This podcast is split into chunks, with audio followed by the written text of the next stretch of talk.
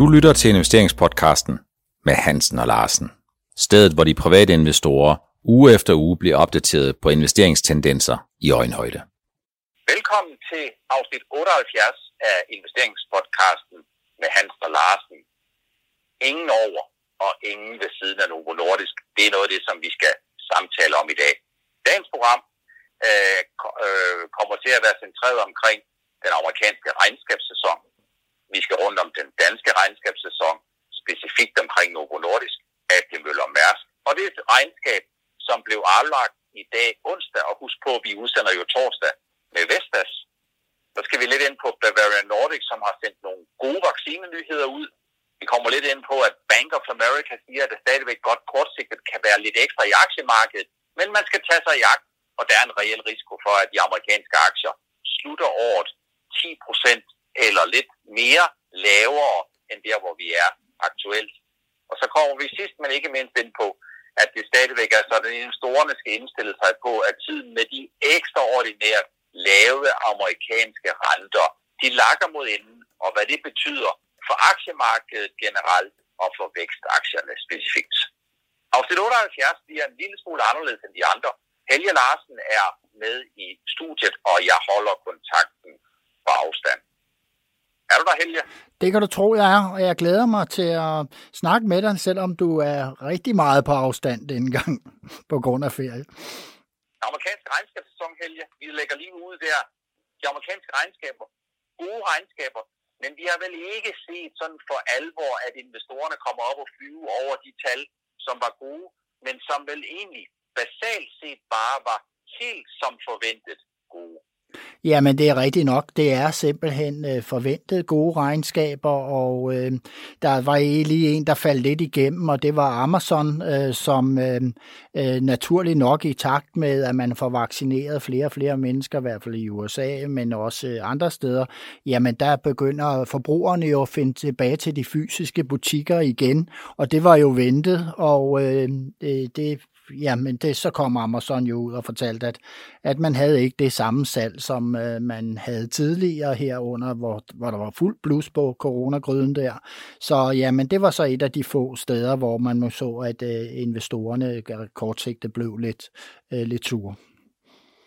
Men er du, Helge, er du specifikt her og nu bange for den korrektion, som vi kommer tilbage til Bank of America øh, forudser, der kan komme i den sidste del af 2021. Er du bange for, at investorerne allerede nu, efter de amerikanske regnskaber, kommer til at løbe tør for brændstof, tør for inspiration, tør, øh, at de løber tør for, at der simpelthen kommer til at mangle nogle nye kurstrigger.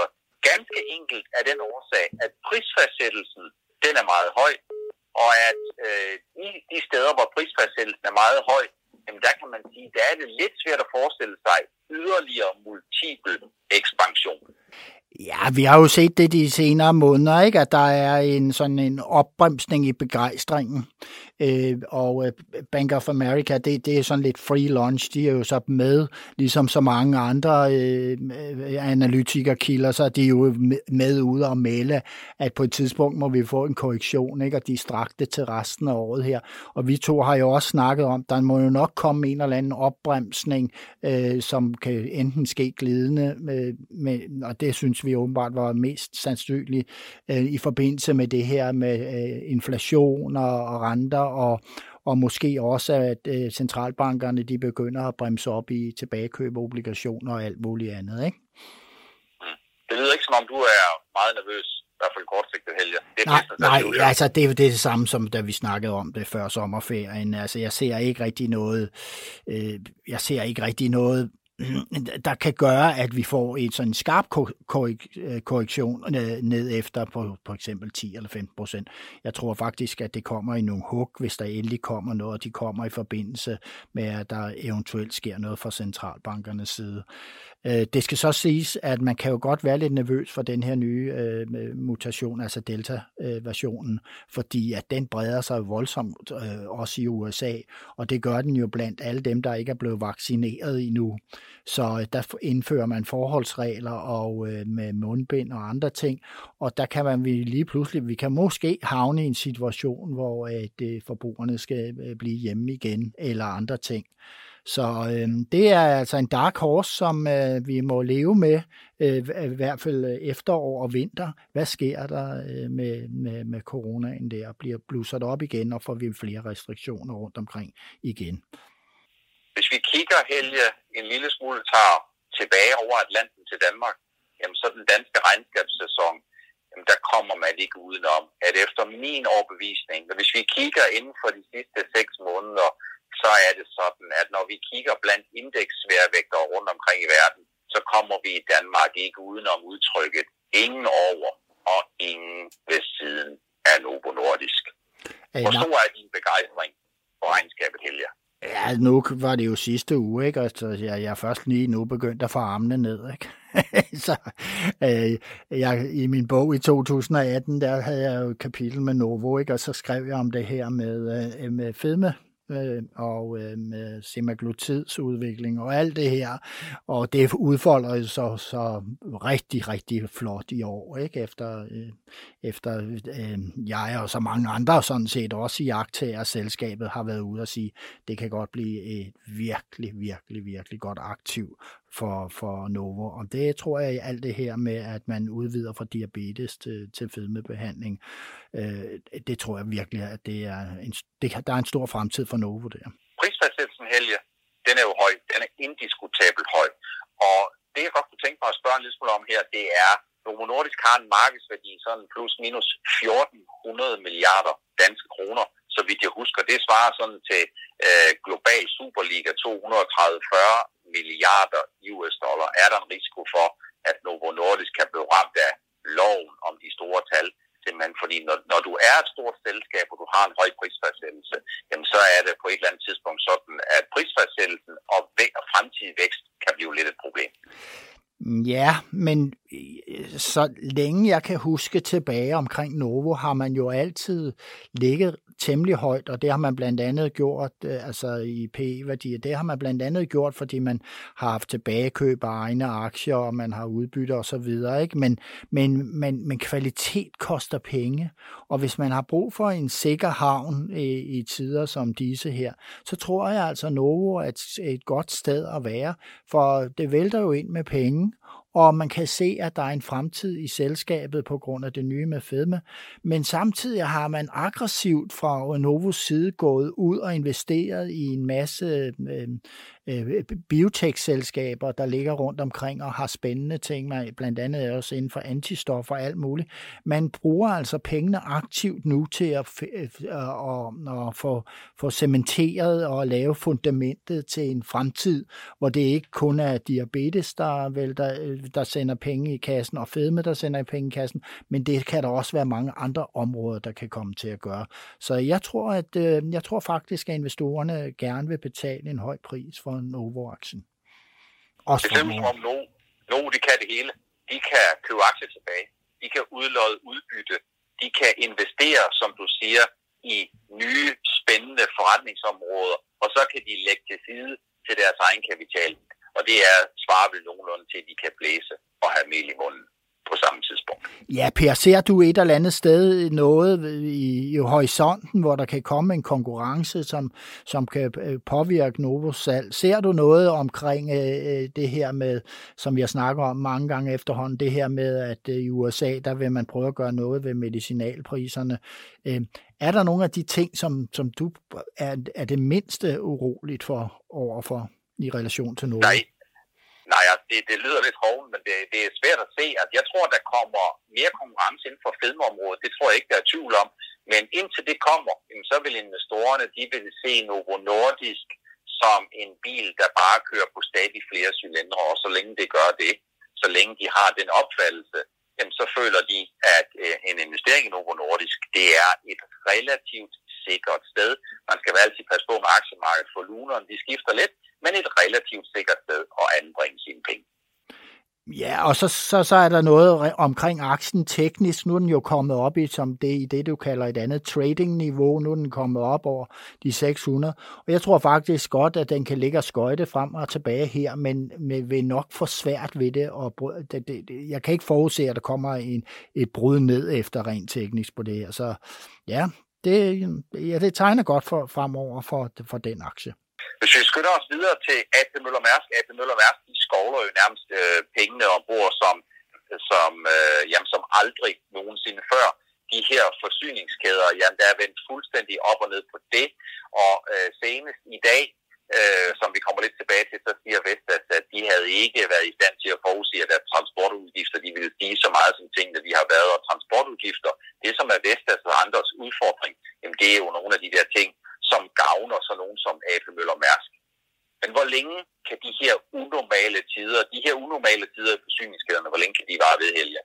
Ja, altså, der, der er forholds der er rigtig mange øh, analytikere på området her, der siger, at det, det kan faktisk fortsætte af gode tider for, for containerfragtselskaberne. Øh, øh, det kan fortsætte i 22 og 23 også. Øh, og øh, det har nok også noget at gøre med, hvad forventer man, når der kommer nye skibe ind, og hvad, hvad betyder alle de her miljøkrav, man har til, til skibsfarten, hvad betyder det for, for, for udbuddet af, det samlede udbud af skibe, som ligger på vandet og er klar til at sejle.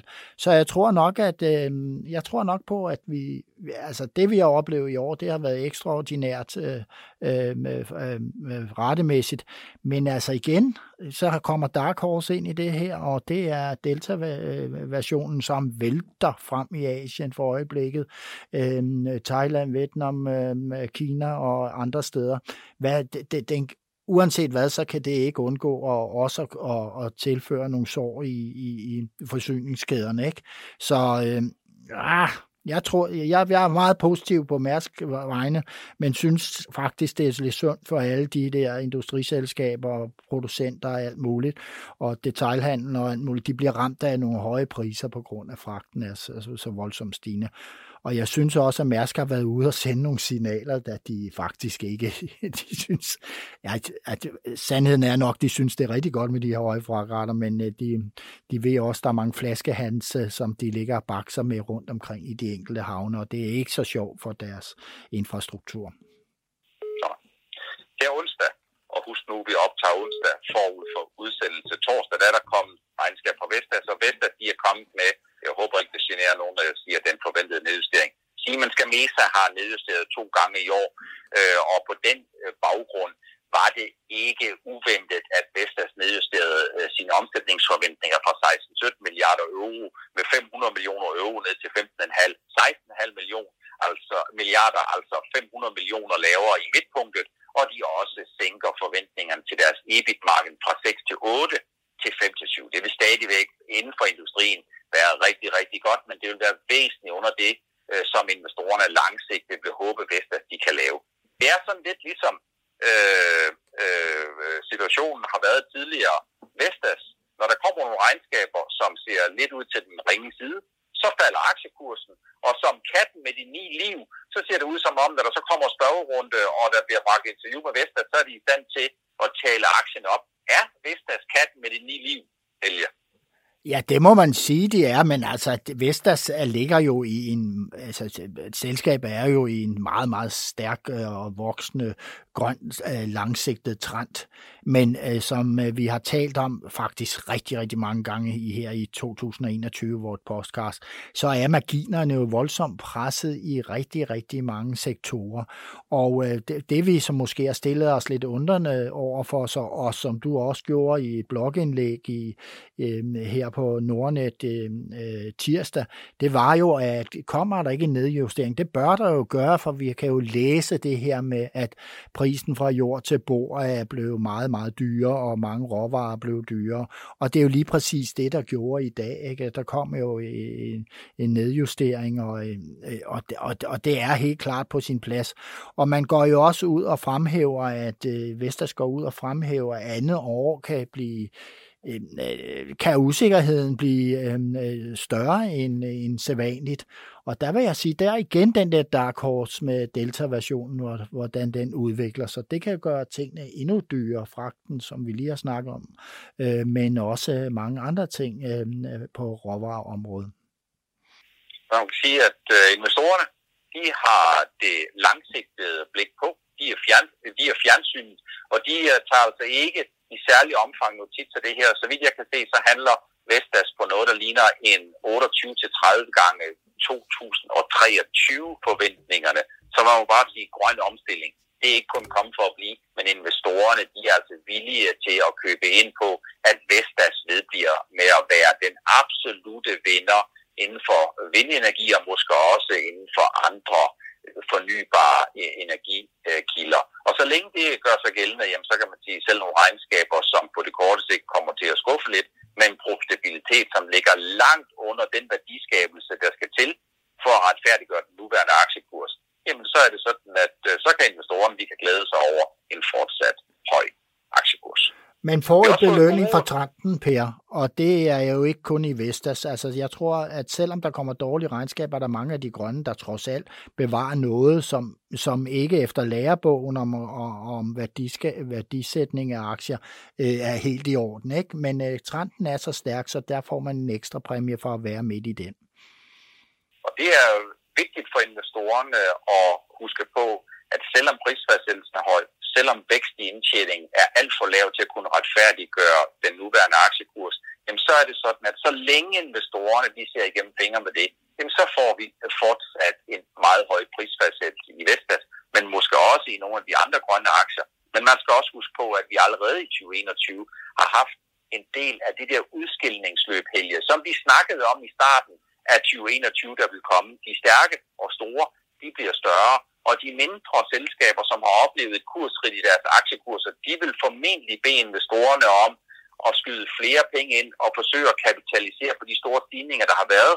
Øh, og det er vel også heldig en del af det, vi har set i 2021 indtil videre. Ja, det er det helt klart. Øh, men øh, jeg er da glad for, at vi har Vestas og, og Ørsted i Danmark og, og kan investere i dem, fordi der er kvalitet i begge selskaber, men selvfølgelig er de presset pt. på grund af, af, af det, vi har snakket om flere gange i den her udsendelse. Ikke? Og ja, men altså, der er mange, der har det meget sværere af de grønne selskaber derude i den store verden, end Vestas og Ørsted har det. Det må man sige. Bavarian Nordic, de kom med gode vaccinenyheder. Det gav en kursstigning øh, på en 6-7 procent på dagen. Men gode datahelge, det er vel forventet, er det ikke det? Altså Bavarian Nordic har jo øh, sammen med sin partner Expression Biotech øh, øh, i Adaptvact, der har de vel egentlig, hvad skal man sige, ligesom lagt en kommunikativ frontrunning på det her til, at det, som de arbejder med, ikke kun øh, er konkurrencedygtigt med det, som Pfizer eller Moderna eller øh, kan lave, men jo er meget, meget større og giver en meget, meget bedre beskyttelse. Så i virkeligheden, så kan man sige, det ville egentlig have været en meget stor overraskelse, hvis der ikke her i de indledende faser ville være kommet gode data. Ville det ikke det? Jamen det er fint, det er jo også øh, tidlige data, og det er jo ikke øh, verdens største patient, øh, patientgruppe, kan vi se. Ikke? Det er en, en lille en af slagsen. Men altså, der er jo både fase 2 og fase 3 forsøg, og så øh, vi er jo meget, meget tidligt i udviklingen. Så så vi, øh, altså, ja, umiddelbart øh, kan man sige, at nogle af de her data, de tegner til, at der er en kvalitetsvaccine, og den kan bruges som en boostervaccine, og man kan øh, måske øh, være helt sikker på, at den er mere bredspektret, så den rammer flere af de her mutationer, der er inden for covid. Men øh, det får vi jo se øh, fremover, om hvordan det kommer til at forsøge, øh, når vi nu starter op med, med endnu flere deltagere i, øh, i, i, i fase 2-forsøget her, der kommer går i gang nu her, ikke? spændende bliver det i hvert fald at se, om de kan gentage de her øh, gode indikationer i de næste kliniske faser, og spændende bliver det selvfølgelig også, om det lykkes Bavarian Nordic at skaffe den finansiering, i det mindste medfinansiering, som de har været på udkig efter, og som der har været debatteret rigtig, rigtig meget de sidste seks måneder. Ja, og ja, altså finansieringen der, det puha, ja, det er jo den, det er, det er jo det, som er, er så vigtigt, og jeg tror faktisk, det tror, som markedet går og venter på. Kommer der noget ud af sikkert alle de igangværende forhandlinger, som Bavarian har øh, et eller andet sted, så øh, er det, er, vil jeg tro, at det er det, der, der kan sætte en sikker hånd, hånd under kursen, så den ikke siver så meget, når der er nyhedstørke fremover. Ikke? Så det her, hvad man har fået, øh, fået finansiering på plads på den her vaccine. Vi er godt i gang med afsnit 78 af investeringspodcasten med Hans og Larsen. Ingen over og ingen ved siden af Novo Nordisk vil jeg tillade mig at kalde opsummeringen på den danske regnskabssæson. Bank of America øh, har været ude med en øh, forudsigelse, en prognose eller en fornemmelse for, at de gode tider godt kan køre videre en lille smule endnu, men at aktierne er ved at nærme sig top de vil slutte året lavere. For så vidt angår de amerikanske aktier, mål som udviklingen i S&P 500-indekset, og øh, Bank of America siger, at der er en reel risiko for, at vi slutter året noget, der ligner en 12-14 procent lavere, end hvor vi er nu. Hvor bange er du for det, Helge? Ja, vi snakker jo lidt om det tidligere udsendelse. Jeg er ikke specielt bange for, for, at vi får sådan en voldsom korrektion og en hastig korrektion, men jeg kan da godt forestille mig, at vi får så et efterår, hvor der bliver volatilt, og der vil også vil komme, der vil også, markederne vil nok også sætte sig, hvis øh, renterne stiger så meget, så at, øh, at, øh, at man begynder for alvor, og centralbanken for alvor begynder at, at, at, at, at rasle med sablen for, for at øh, i, i relation til rentestigninger og så videre, ikke? og så stopper tilbagekøb af obligationer, og alt det der. Øh, men men det, det, du kan godt høre, at jeg bliver lidt træt i stemmen, fordi det vi har snakket om det her, ja, vi startede sidste efterår og snakke om det her, ikke? og så har, har det accelereret i takt med, at nu har vi set priserne stiger på rigtig mange varer, og så øh, er det nu en blivende øh, inflation, vi kan få, ikke? som øh, jeg jeg, jeg, jeg, jeg tror ikke på, på en større korrektion, lad os sige det på den måde, og ikke en hurtig øh, korrektion, men jeg tror, at aktierne vil sætte sig et vist omfang her i løbet efteråret. Er du bange for Helge? Kan du forestille dig, at det vi har set i Kina, hvor man kan sige, at den aktiefest, der har været i Danmark, den aktiefest, der har været i Tyskland, i Sverige, i USA de seneste 12 måneder, den har vi overhovedet ikke set i Kina, fordi i Kina, der har øh, de kinesiske myndigheder, Kommunistpartiet, de har jo ligesom fortalt, at der er ingen, der er over, og ingen, der er ved siden af Kommunistpartiet, og der er nogen, som bliver lidt for opfindsomme med hensyn til at tjene penge, lidt for opfindsomme med hensyn til at lave børsnoteringsplaner i USA, og lidt for opfindsomme med hensyn til at tjene penge på undervisningssektoren. Jamen, så griber de ind, og det har vi altså set, at de kinesiske aktier er faldet ret markant.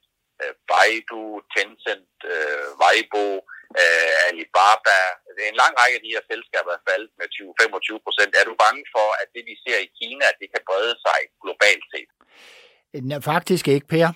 Fordi at øh, det har næsten altid været sådan, at øh, når jeg snakker om kinesiske aktier og det kines, øh, kinesiske aktiemarked generelt med, med, med, med folk, der er professionelle inden for det her og globale investorer, så er det ligesom om, at de aldrig rigtig har regnet det der kinesiske marked for noget, for de ved godt, at der er en stor chance for, at øh, den kinesiske regering øh, øh spiller med hele tiden øh, og kan, kan sådan set øh, styre kurserne op og ned. Og det har vi jo også set i, inden for de sidste, efter finanskrisen. Vi har jo set virkelig, hvordan det kinesiske aktiemarked, jamen der kommer regeringsregulering, og øh, øh, faktisk stopper man jo også handlen i perioder, hvor aktierne falder for meget. Og, så jeg tror faktisk ikke, øh, man regner for, det for ret meget, og der, det, der burde jo have været mere uro, sådan hvis man umiddelbart så på avisoverskrifterne.